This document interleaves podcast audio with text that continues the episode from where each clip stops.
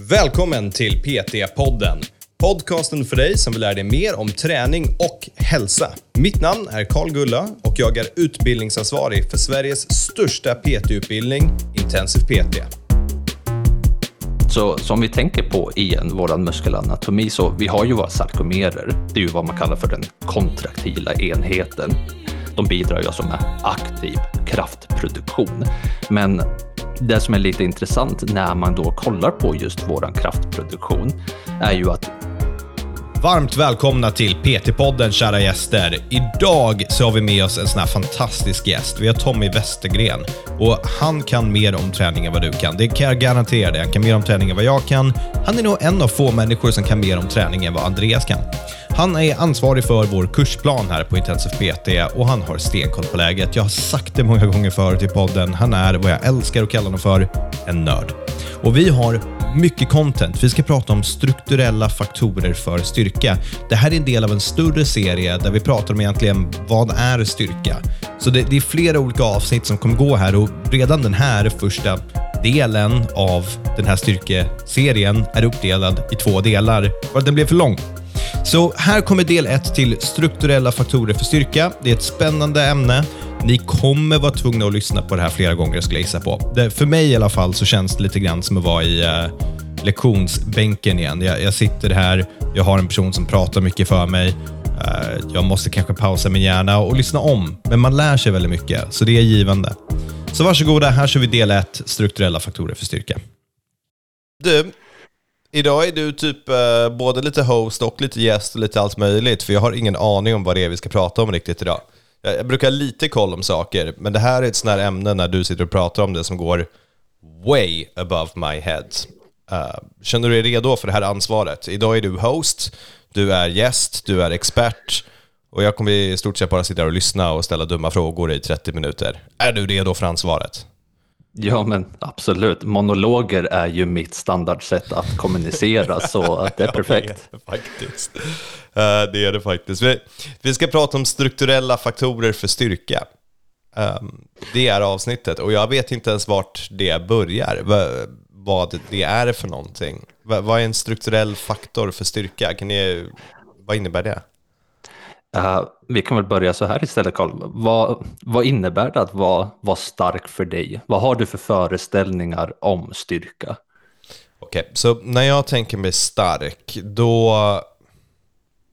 Det, mitt väldigt bias-svar, liksom, det är ju såklart om man tänker typ uh, ja, men Eddie Hall som drar 500 i Marcus eller världsrekord, eller The Mountain, eller Sen, sen ska jag för sig förvisso acceptera att det kommer i olika former, så det, det, liksom, det är knäbbig marklyft, bänkpress, men även typ eh, folk som kör ryck och stöt, sådana saker. Eh, jag kommer ihåg faktiskt, det är ju lite kul, att vi var ju med på, när jag var kid, då var jag med på Sveriges starkaste man. Inte som deltagare, men eh, min farsa jobbade med det, så var jag och min kompis där. Och då var Magnus Samuelsson där, som var ju, jag vet inte om han var världens starkaste man, men i alla fall Sveriges. Och vi var ju kids, vi åkte runt med sparkcyklar och tog det väldigt lugnt. Och då fick vi hjälpa till att transportera vikter. Så vi transporterade en 20 kilo viktplatta mellan våra sparkcyklar från den ena platsen till den andra.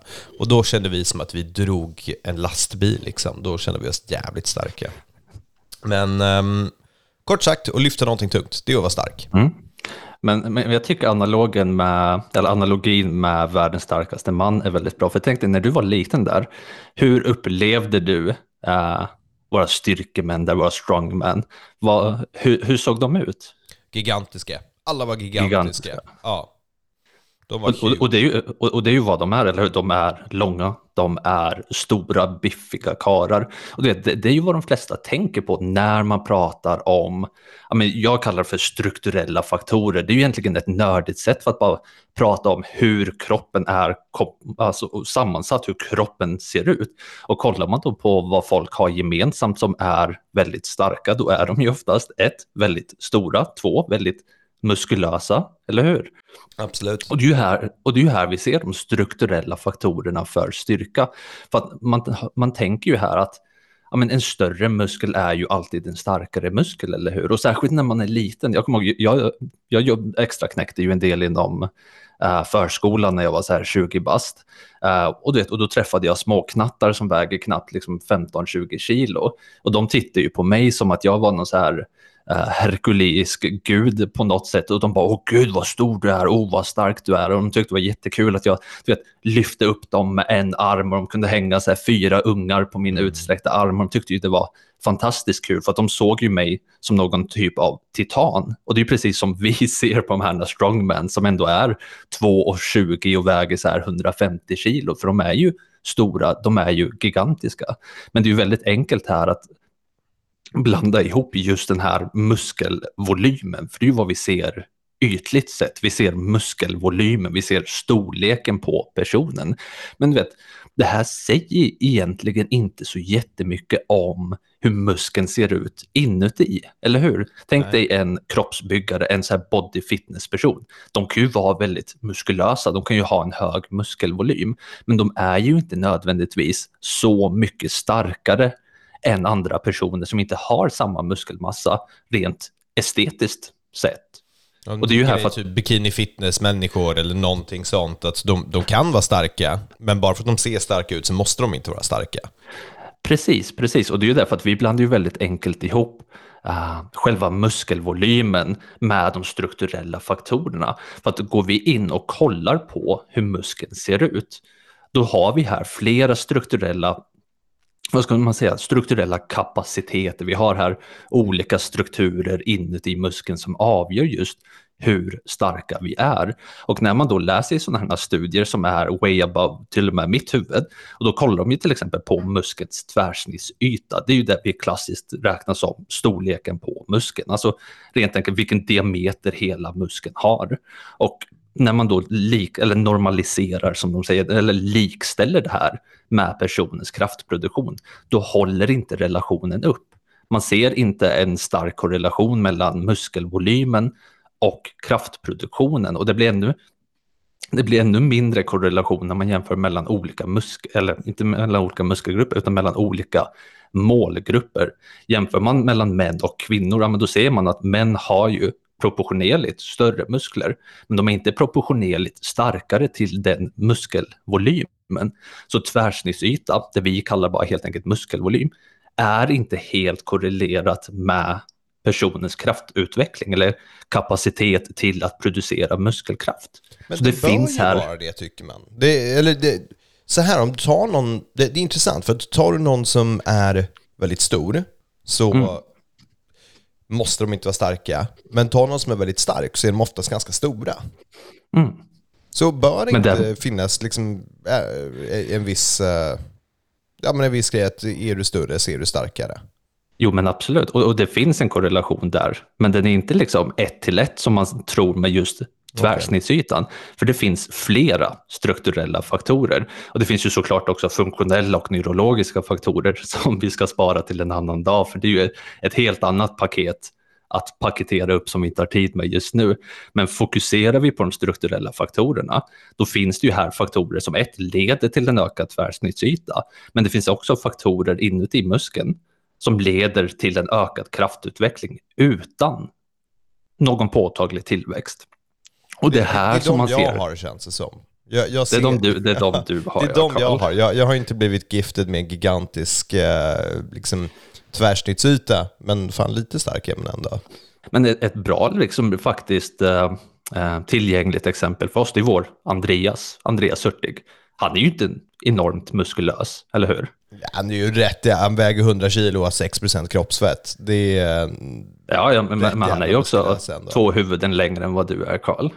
Ja, så en stor del av hans kroppsvikt kommer ju också ifrån kroppslängden. Men han är ju inte lika stor som Hafer Björnsson eller Eddie Hall. Nej, men han är ju fortfarande redigt stark, eller hur?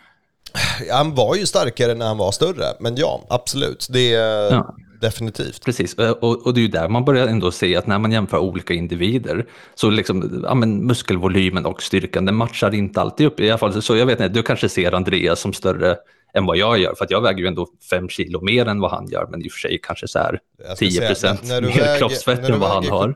75 kilo, 70-75 kilo och är 1,68, då är alla större än vad du är. Det, det, finns en person som är mindre än vad jag är och det är Kasper Nevala som tränar mig i styrkelyft. Och han är starkare än vad jag är. Och där, där är liksom ett jävla mål. Det är, han ska knäckas någon dag. Och det tror jag. Ja. Men alla ja. är större än dig när du är liten. Det, det, det kan jag förstå. Du vet, jag har inte det problemet, Karl. Nej, vilket jävla lyxproblem. Men hur är det att, hur är det att flyga, Tommy? eller åka tåg? hur, hur är det att gå på händerna eller sånt där? Det är kört för min del. De här extremiteterna som flyger runt överallt. Precis, men i alla fall så om vi går tillbaka och kollar på ja, men faktiskt vad vi har för, för faktorer inuti kroppen. Och, och det är ju det här det blir riktigt nördigt och det kan vara lite svårt att hänga med, men så vi, vi kan ju ta vi kan ju försöka hålla det Men ge mig dem en, en och en då, så kan du säga den ska jag stämma av. Se, har jag hängt med? Okej, okay, så, så vi, vi, vi tar och bara kollar på lite anatomiska termer kan vi kalla det. Vi, vi kollar på muskelns fysiologi och muskelns anatomi. Um, vet du vad en sarkomer är? Ja, men du får väldigt gärna förklara det här för våra lyssnare också. Okej, okay, så en sarkomer, kollar man på hur muskeln är strukturerad så har vi någonting som kallas för kontraktila enheter. Det är ett fancy ord för att säga den strukturen inuti muskeln som faktiskt står för själva kontraktionen. Kontraktioner är ju när vi spänner våra muskler. Det är när vi spänner våra muskler som vi producerar kraft för att i sarkomeren sker en så kallad korsbryggeformation. Den här formationen av korsbryggor sker som vi producerar kraft. När vi producerar kraft på våra leder, då skapas ju våra ledrörelser. Så tänk dig en biceps curl. Om du ska göra en biceps curl, då ska du alltså böja i din armbåge mot en vikt. Och beroende på då hur mycket muskelkraft du producerar så kan du ju lyfta en tyngre och en tyngre vikt. Det är liksom den korta versionen av det här. Inuti musklerna då så har vi ju många sarkomerer. Vi har ju inte bara en sarkomer utan vi har ju många sarkomerer. Och de här sarkomererna är ju strukturerade på ett sätt inuti muskeln som då antingen kan bidra till kraftproduktion eller inte bidra till kraftproduktion. Så vi kan ta och kolla på en sån grej fascikellängd. Vet du vad en fascikellängd är, Karl? Nu får vi också börja förklara saker för våra kära lyssnare här. Okej, okay, så med fascikellängder, vi, vi, kan hålla det så simpelt som möjligt. Våra muskelfibrer är ju paketerade i fasciklar. Så vi har ju våran stora hela muskel som har muskelbukar. Muskelbuken delas ju sen in i mindre och mindre enheter och en av de här enheterna är ju så kallade fascikellängder. Och det här är ett intressant fenomen för att man har länge haft en diskussion inom idrottsvetenskapen eller inom eh, vetenskapen i huvudtaget. Så här, kan vi få längre muskler eller inte? Så vi börjar, kan man få en längre muskel, Karl? Nej, men jag hade gett allt i världen för att kunna bli, få längre muskler och därav bli längre. Precis, så, så om vi kollar på fascikellängder kan öka. Man har länge, liksom vissa studier säger att de kan inte öka, andra studier säger att fascikellängder kan öka. Men vi kan ju inte få längre muskler. Mm. Så det som händer med en fascikel är ju att vi får antingen flera sarkomerer i serier, eller så, alltså det vill säga att de lägger sig som en eh, lång kedja. Så kan vi få flera sarkomerer, det här kallas ju för Eh, Eh, tillväxt av alltså kontraktila enheter i serie. Så det blir som en lång kedja med flera kontraktila enheter. Och då tänker man ju så här, men de här eh, sarkomererna kommer ju då bidra till mera kraftutveckling. Men riktigt så är det ju inte för att en längre kedja är ju inte en starkare kedja. Eller hur? En längre kedja kan ju inte bära upp en tyngre vikt än vad en kortare kedja kan göra för att antalet länkar i kedjan spelar ju ingen större roll. Nej, det låter väl rimligt. Det är svårt att konceptualisera kanske, men logiken låter väl rimlig. Precis. Eh, så man, liksom, kollar man upp hur en kedja ser ut, då ser man att det, det, finns enskilda länkar i den här kedjan. Ju fler länkar man har, desto längre är ju kedjan. Och det som händer då är ju att vi kan inte få en längre muskel, för att vart muskelfibrerna och så fäster in är ju redan genetiskt bestämt. Men när vi till exempel tränar eh, tung excentrisk träning eller till och med vid viss del vid alltså tung stretching, då får vi här en tillväxt av de kontraktila enheterna inuti muskelfibern som leder till längre fascikellängder. Men vi kan inte få längre muskler, så det som händer är att, att den här fascikeln den bulkar ju uppåt och det här bidrar ju då till en ökad tvärsnittsyta till musklerna. Men det gör oss inte starkare, men det gör oss mer motståndskraftiga mot excentrisk stress, det vill säga mot förlängning av musklerna. Och det här är ju en förklaring till varför excentrisk träning har en stark eh, skadeförebyggande verkan mot excentrisk stress, mot till exempel eh, hamstringssträckningar eller hamstringsrupturer som är vanligt till exempel i fotboll. De har ju sett att fotbollsspelare som gör så här Nordic hamstrings curls, mm. att de blir mer resistenta mot rupturer i hamstrings. Och då är just ökade fascikellängder en förklaring till det här. Men de blir ju inte starkare koncentriskt, för det är ju där vi kollar på hur stark man är koncentriskt, hur, hur mycket kraft man kan producera när vi lyfter en vikt. Det är ju det som är standarden för när vi mäter styrka. Men vi blir ju inte starkare av längre fascikellängder. Vi kan inte lyfta tyngre vikter. Vi kanske kan sänka tyngre vikter, men det är ju ingen som riktigt bryr sig om det, för att vi kollar ju här på den koncentriska styrkan, hur tungt man kan lyfta i marklyft, hur tunga vikter man kan knäböja och bänkpressa. Men fascikellängder bidrar inte till någon kraftproduktion. I alla fall troligtvis inte till någon nämnvärd kraftproduktion i de här typerna av rörelserna. Så här har vi en strukturell faktor som gör oss mer resistenta mot skador och starkare excentriskt, men det gör oss inte nödvändigtvis starkare koncentriskt, men vi får en större muskel av det. Och det kommer från generell träning bara? Excentriska kontraktioner framför allt. Okej, okay, så gör excentriska kontraktioner så blir du bättre på det och mer stöttålig? Är det vi säger? Ja, i, i, i, princip så. Uh, och sen kan man ju se en till faktor som inte har någon direkt betydelse för muskelstyrka. Uh, vet du vad sarkoplasmatisk tillväxt är för någonting? Jag vill bara säga, jag älskar infallsvinklar. Vi ska prata om strukturella, jag vet inte, vad döpte vi här till? Strukturella faktorer för styrka och så pratar vi om saker som inte är direkt kopplade till styrka. Precis, men, men, man måste ju förstå så att eh, det måste ju finnas en förklaring till, ja, men om en större muskel inte alltid är en starkare muskel, varför är det så? Och då ser vi att vissa strukturella faktorer bidrar till styrka som vi kallar det, eller kraftproduktion som är den korrekta termen. Men det finns ju också vissa faktorer som inte bidrar. Så det finns faktorer som bidrar och faktorer som inte bidrar. Absolut, så, och det faktor, här... så vi pratar faktorer som bidrar till större tvärsnittsyta men inte nödvändigtvis som man är starkare. Mm. Precis, precis. Och då, och då är nästa fråga här, vet du vad sarkoplasmatisk tillväxt är? Alltså Tommy, jag kan allt, men grejen är våra lyssnare, de, de, har inte gjort det här i tio år, så de, de behöver kanske en förklaring på vad det här är, en liten uppfärskare så att säga. Okej, så låt mig förklara för våra lyssnare i sådana fall och inte dig Carl, för att Nej, du precis. redan vet det här. Det är mycket men, bra, lyssnarna behöver också veta det här. Yes, men alla celler har ju cellvätska, en cytoplasma. I den här cytoplasman finner man ju alla uh, funktionella strukturer inuti själva cellen.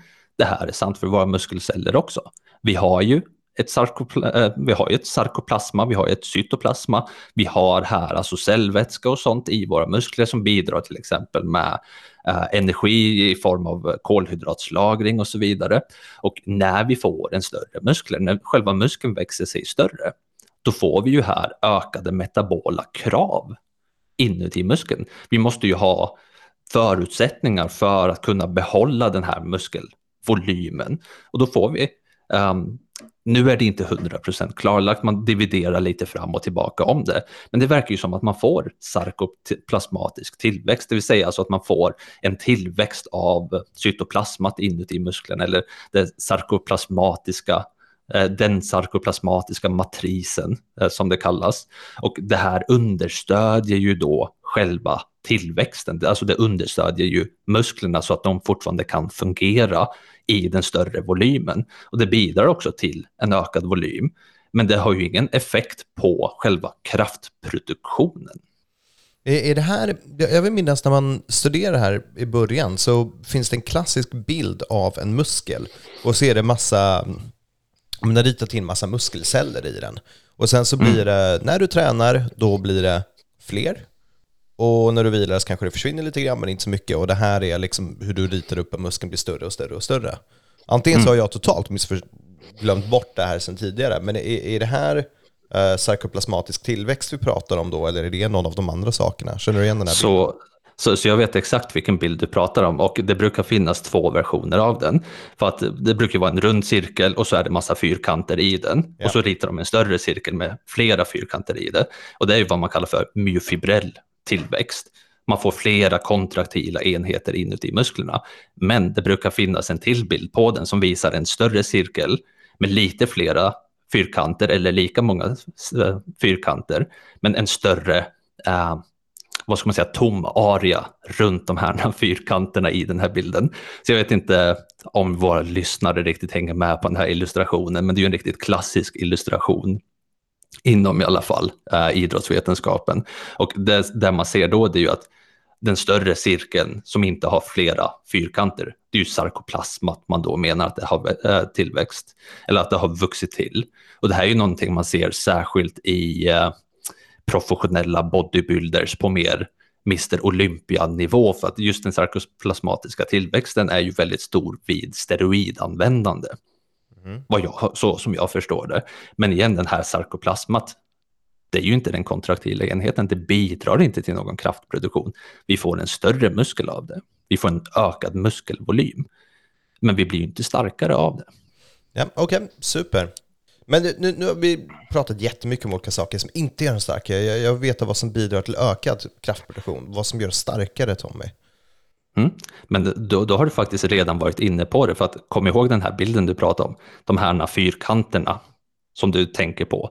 Det är ju då antingen flera myofibriller, det vill säga alltså flera uh, uh, ja, vad blir det? små muskelceller inuti den stora uh, muskeln. Myofibrillerna byggs ju upp av sarkomerer. Sarkomerer är ju den kontraktila enheten.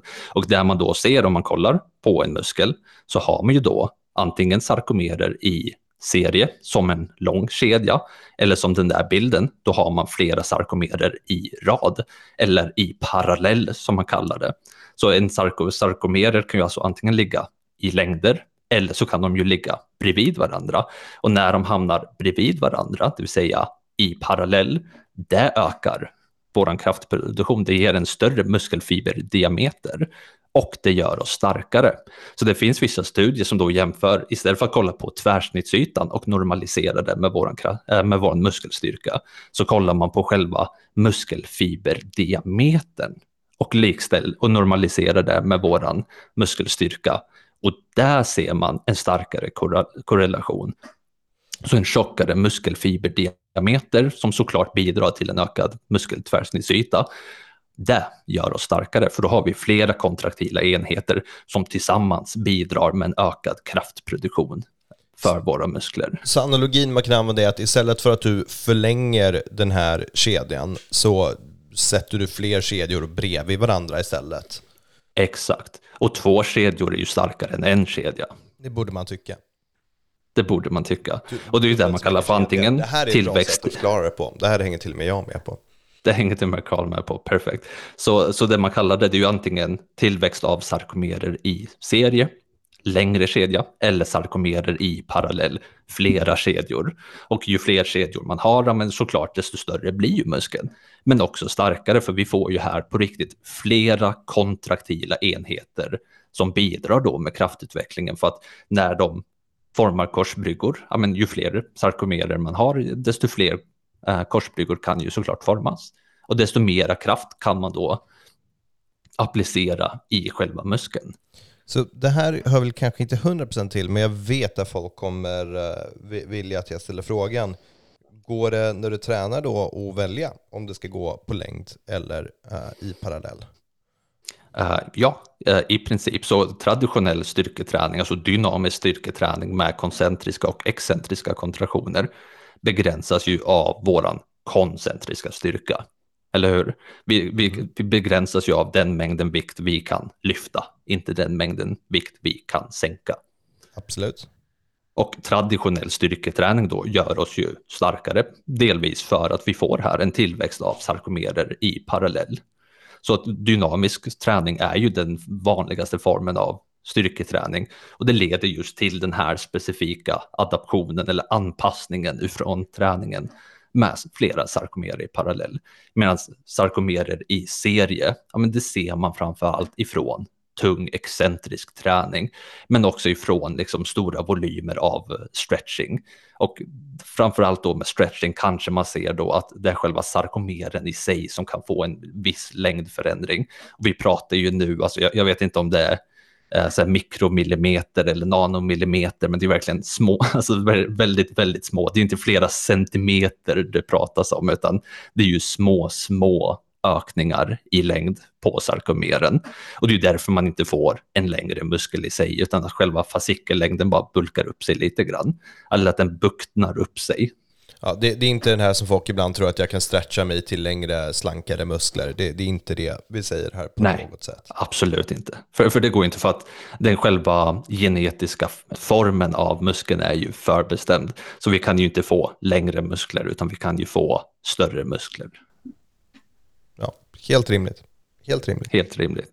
Okej, så ganska enkelt sagt, om vi vill ha eh, sarkomerer i parallell, då är det klassisk Eh, kontraktion, klassisk vanlig styrketräning och vill vi ha dem i längd då har vi den här lite mer excentriska träningen. Men det, det måste finnas mer faktorer här som påverkar. Mm. Så, så om vi tänker på igen vår muskelanatomi så vi har ju våra sarkomerer. Det är ju vad man kallar för den kontraktila enheten. De bidrar ju alltså med aktiv kraftproduktion. Men det som är lite intressant när man då kollar på just våran kraftproduktion är ju att Okej, okay, om, om, vi säger så här. Uh, en till fråga till dig. Uh, när, vi, när, när vi tänker på hur våra muskler funkar, då tänker vi ju att musklerna kontraherar och de drar i våran sena som fäster i, eller fäster över leden. Och det leder ju då till vår kraftproduktion, eller hur? Absolut. Yes, det är ju liksom den, den, simplaste formen. All kraftöverföring sker ju via muskeln in i senan, in i skelettet där muskelsenan då fäster in. När vi kontraherar muskeln koncentriskt, då drar muskeln i senan som i sin tur drar i benet och på så vis uppstår ju våra ledrörelser. Men fäster alla muskelfibrer i senan? Det utgår jag från att de inte gör. Precis, det gör de inte. Det gör de inte, utan muskelfibrer, de, de varierar ju från men dels sitt ursprung. Vissa ursprung är ju såklart ifrån ursprunget, det vill säga alltså där muskeln fäster in på andra sidan. Proximalt pratar vi oftast om då, alltså närmast kroppens centrum. Så, så om vi tänker så här, eh, när musklerna kontraherar, då drar de ju i senan som fäster över leden. Tar vi då biceps som ett exempel, då har man ju här ett ursprung som är uppe vid scapula och på processus coracoideus. Och då har vi ju muskelfibrer som sträcker sig ifrån den längden. Men någonstans tar de ju slut. Det är ju inte troligt att de sträcker sig över hela muskellängden. För att vi har ju här tusentals på tusentals muskelfibrer i våran muskel. Så vi har ju vissa muskelfibrer som kommer ifrån ursprunget, fäster någonstans, kanske över hela muskellängden, de kanske stannar halvvägs. Och sen har vi ju muskelfibrer som kanske börjar halvvägs och sträcker sig ner till fästet nere på, nere på radius. Och då är det en fråga om så här, ja, men vilka muskelfibrer bidrar med kraft i vilken del av rörelsen? Man delar det här, då delar man in det här i proximala regioner och distala regioner för muskelfibrer beroende på liksom om de sitter mera proximalt, alltså eh, närmre ursprunget eller om de sitter mera distalt närmre, eh, om de sitter närmre då själva fästet. Och när vi då rör oss, ja, men de här muskelfibrerna måste ju på något vis kunna bidra med kraftöverföring. Och det man ser då det är ju att majoriteten av muskelfibrerna, de drar inte i senan, utan de drar i själva muskeln i sig. Så våra sarkomerer, igen våra kontraktila enheter nere på lägsta liksom, cellnivå, de binder fast med omkringliggande muskelhinna med någonting som kallas för kostamerer. Och de här kostamererna de funkar just då som en förbindelse mellan sarkomerer och muskelhinnan. Och när sarkomeren kontraherar, när det alltså sker en formation av korsbryggor, då kommer då själva sarkomeren att dra i omkringliggande vävnad i själva muskelhinnan istället för att dra i senan. Det här kallas då för lateral kraftöverföring. Istället för att alltså ha kraftöverföring i senan som drar i leden så drar muskeln i sig själv. Och det här är en till strukturell faktor som inte bidrar med någon påtaglig muskelvolym. Men de här kostamererna, de går sönder när vi styrketränar. Men vi måste ju fortfarande kunna fortsätta arbeta så det, vi får en tillväxt av nya kostamerer. Och sen när kostamererna reparerar sig, de trasiga kostamererna reparerar sig, då behåller vi dem. Och det bidrar med en ökad lateral kraftöverföring. Det innebär alltså att musklerna blir effektivare på att dra i sig själva. Och det här är ju samma sak vi ser till exempel vid svårare rupturer, för det är ju sällan som själva muskeln läker ihop med nya, alltså med nya muskelceller, utan vi får en tillväxt av kollagen, man kallar det ju för ärrvävnad.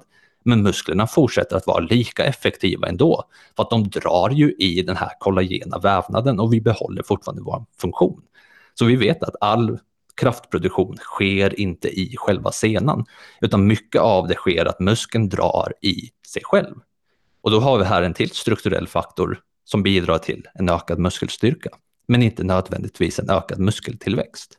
Så det här är ju ganska häftigt. Så då tänker man sig, ja, tänk dig att du har en länk mellan typ en båt och en brygga. Då hade det här varit ett exempel av att du sätter flera länkar in i länken istället för att hålla länken stabil. Så du har tre länkar som går från bryggan, men nu går de in i länken istället för att hålla ja. den stabil. Eller så kan man tänka sig att om vi kör dragkamp, istället då för att ha flera stycken uh, flera stycken uh, rep som vi drar i, alltså flera sarkomerer i parallell, så har man flera gubbar som drar i själva repet. Ja, ja väldigt bra. Det är jättespännande att höra. Ja. Så det, det, är ganska häftigt att se just här att vi, vi, för vi, vi pratar ju om muskeltillväxt väldigt ensidigt. Vi kollar hur stor muskeln är. Och, och det, det är såklart inga konstigheter för att vi ser ju inte vad som händer inuti muskeln. Vi ser ju bara hur muskeln ser ut. Är den stor eller är den inte? Och då tänker vi ju oftast uppenbart att en större muskel är alltid den starkare. Men det är ju inte nödvändigtvis sant att det är ett ett till ett förhållande. Bara för att man är stor betyder det inte att man är stark. Mm. Nej, absolut. Um, absolut. Det är jätte, jättespännande. V vad mer har vi som kan påverka? Ja, jag, jag, tror vi börjar faktiskt komma till slutet av det, av vad som i alla fall är relevant att prata om. Men en sista man då ändå kan prata om, för vi har ju pratat nu om vad det kostar mer och då säger jag så här, men all kraftöverföring sker inte i senan. Men uppenbart är det ju en stor mängd av kraftproduktionen som är beroende av våra senor, för att det är ju såklart kopplingen till, uh, till nästa skelettdel som då bygger ihop leden. Tar man då till exempel armbågsleden, då har vi ju vår överarm och vi har våra underarmar som tillsammans blir vår armbågsled. Och senan då från biceps fäster ju in på radius och beroende då på hur stark den här senan är. Man pratar om senstyvhet och senstorlek så avgörs ju hur, mycket, eller hur effektivt den här scenen är på att överföra kraft. Så tar vi ett riktigt slappt gummiband, för det, det är ju så man kan se, senan är ju elastisk. Tar vi ett slappt gummiband, vi tänker en slapp sena, när vi då drar i den här senan, då kommer den ju förlängas. Vi, vi drar ju alltså med kraft i senan, precis som om vi skulle dra i ett gummiband. Och då kommer ju den här senan att förlängas och så överförs kraften till nästa ben, radius i fallet av armbågen. Och sen då drar ju senan med sig leden. Och ju starkare och styvare sena vi har, ja, men desto effektivare är kraftöverföringen i själva i själva rörelsen eller över själva leden. Och det här är ju någonting vi ser från styrketräning att jämför man otränade personer med vältränade personer, då har vältränade personer tjockare, styvare senor. Och det gör de ju också starkare, men inte större. Och sen i och för sig så ser man ingen större skillnad mellan eh, tränade och väldigt vältränade och sen vet jag inte hur det är mellan extremt vältränade och folk som liksom har tränat ett tag. Men just när man jämför mellan icke-tränade och tränade personer så ser man en tydlig skillnad i senstyvhet. Kan man dra liknelsen här om du ska boxera en bil eh, och säga att repet är senan? Är den slapp och, och bilen där bak, det är leden du försöker röra? Är det så att det här är en, ett styvt rep som är uttöjt, då är det, kommer du få en effektiv energiöverförelse, men är den slak, då kommer det inte bli så. Precis, exakt så. Ja, där har ni en analogi som ni kan använda också för att försöka se det. Är det här samma sak som att man är orörlig då? Jag har uh, stela scener. kan jag börja dra den nu? Uh, nej, i, inte riktigt så, inte riktigt så. Men uh, För att rörlighet är ju liksom ett helt annat eh, ämne i sig, men det finns ju vissa aktiva förutsättningar. Så muskelton är ju ett vanligt koncept när vi pratar eh, med, med, vanliga människor, höll jag på att kalla det. Ja, men när man pratar med vanligt folk så är muskelton någonting de flesta förstår sig på. När man tränar får man ökad muskelton, vilket är då att man håller en viss kontraktion hela tiden. Uh, man har sen ökad viloaktivering i sina muskler, det är ju en ökad viloton. Uh, och det bidrar ju då med en viss uh, stelhet. Och sen har vi också att våra materialistiska egenskaper, vilket är ett väldigt fint ord för, alltså hur våra muskler är strukturerade. De är ju gjorda av specifika material, kollagen och muskelfibrer och så vidare. De har ju en tendens till att uh, samla på sig en viss mekanisk kraft. Och det gör oss också då stelare för att då, då, då är ju musklerna lite, ja, men de, de är ju stramare på riktigt i så dagligt tal som möjligt. Så de är ju spända. Vi har ju en anspänning så när vi känner oss stela och strama då är det ju för att vi, våra muskler på riktigt är strama. Och sen då när vi stretchar eller får massage då frisläpper man ju uh, den här rörelseenergin då i form av värme. Uh, och man släpper ju också på den här muskeltonen så att musklerna kan slappna av och då tillåts ju en högre eh, rörlighet över leden. Just senor i sig vet jag inte hur stark koppling det finns till rörlighet, men jag tror inte att det är någon enorm koppling direkt.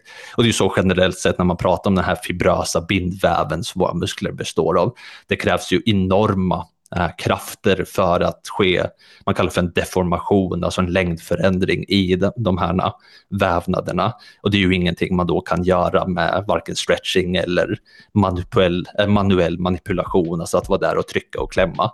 Och det är ju därför vissa så här, rörlighetsmodaliteter som då äh, vilt på typ Instagram och Facebook och så, de, de funkar ju inte alltid för att man kan inte göra någon riktig eh, förändring i vävnadsstrukturen på det sättet. Jag älskar att du säger så här, ah, men det där är rörlighet, det är en helt annan grej, det ska vi inte gå in på. Och sen fortsätter vi en, en minut, ganska precise förklaring på det. Yes. Och nu, och nu vet ni exakt hur mina föreläsningar på IPT går till. För Någon ställer en fråga, det säger det inte med det att göra, och sen pratar de om det ändå.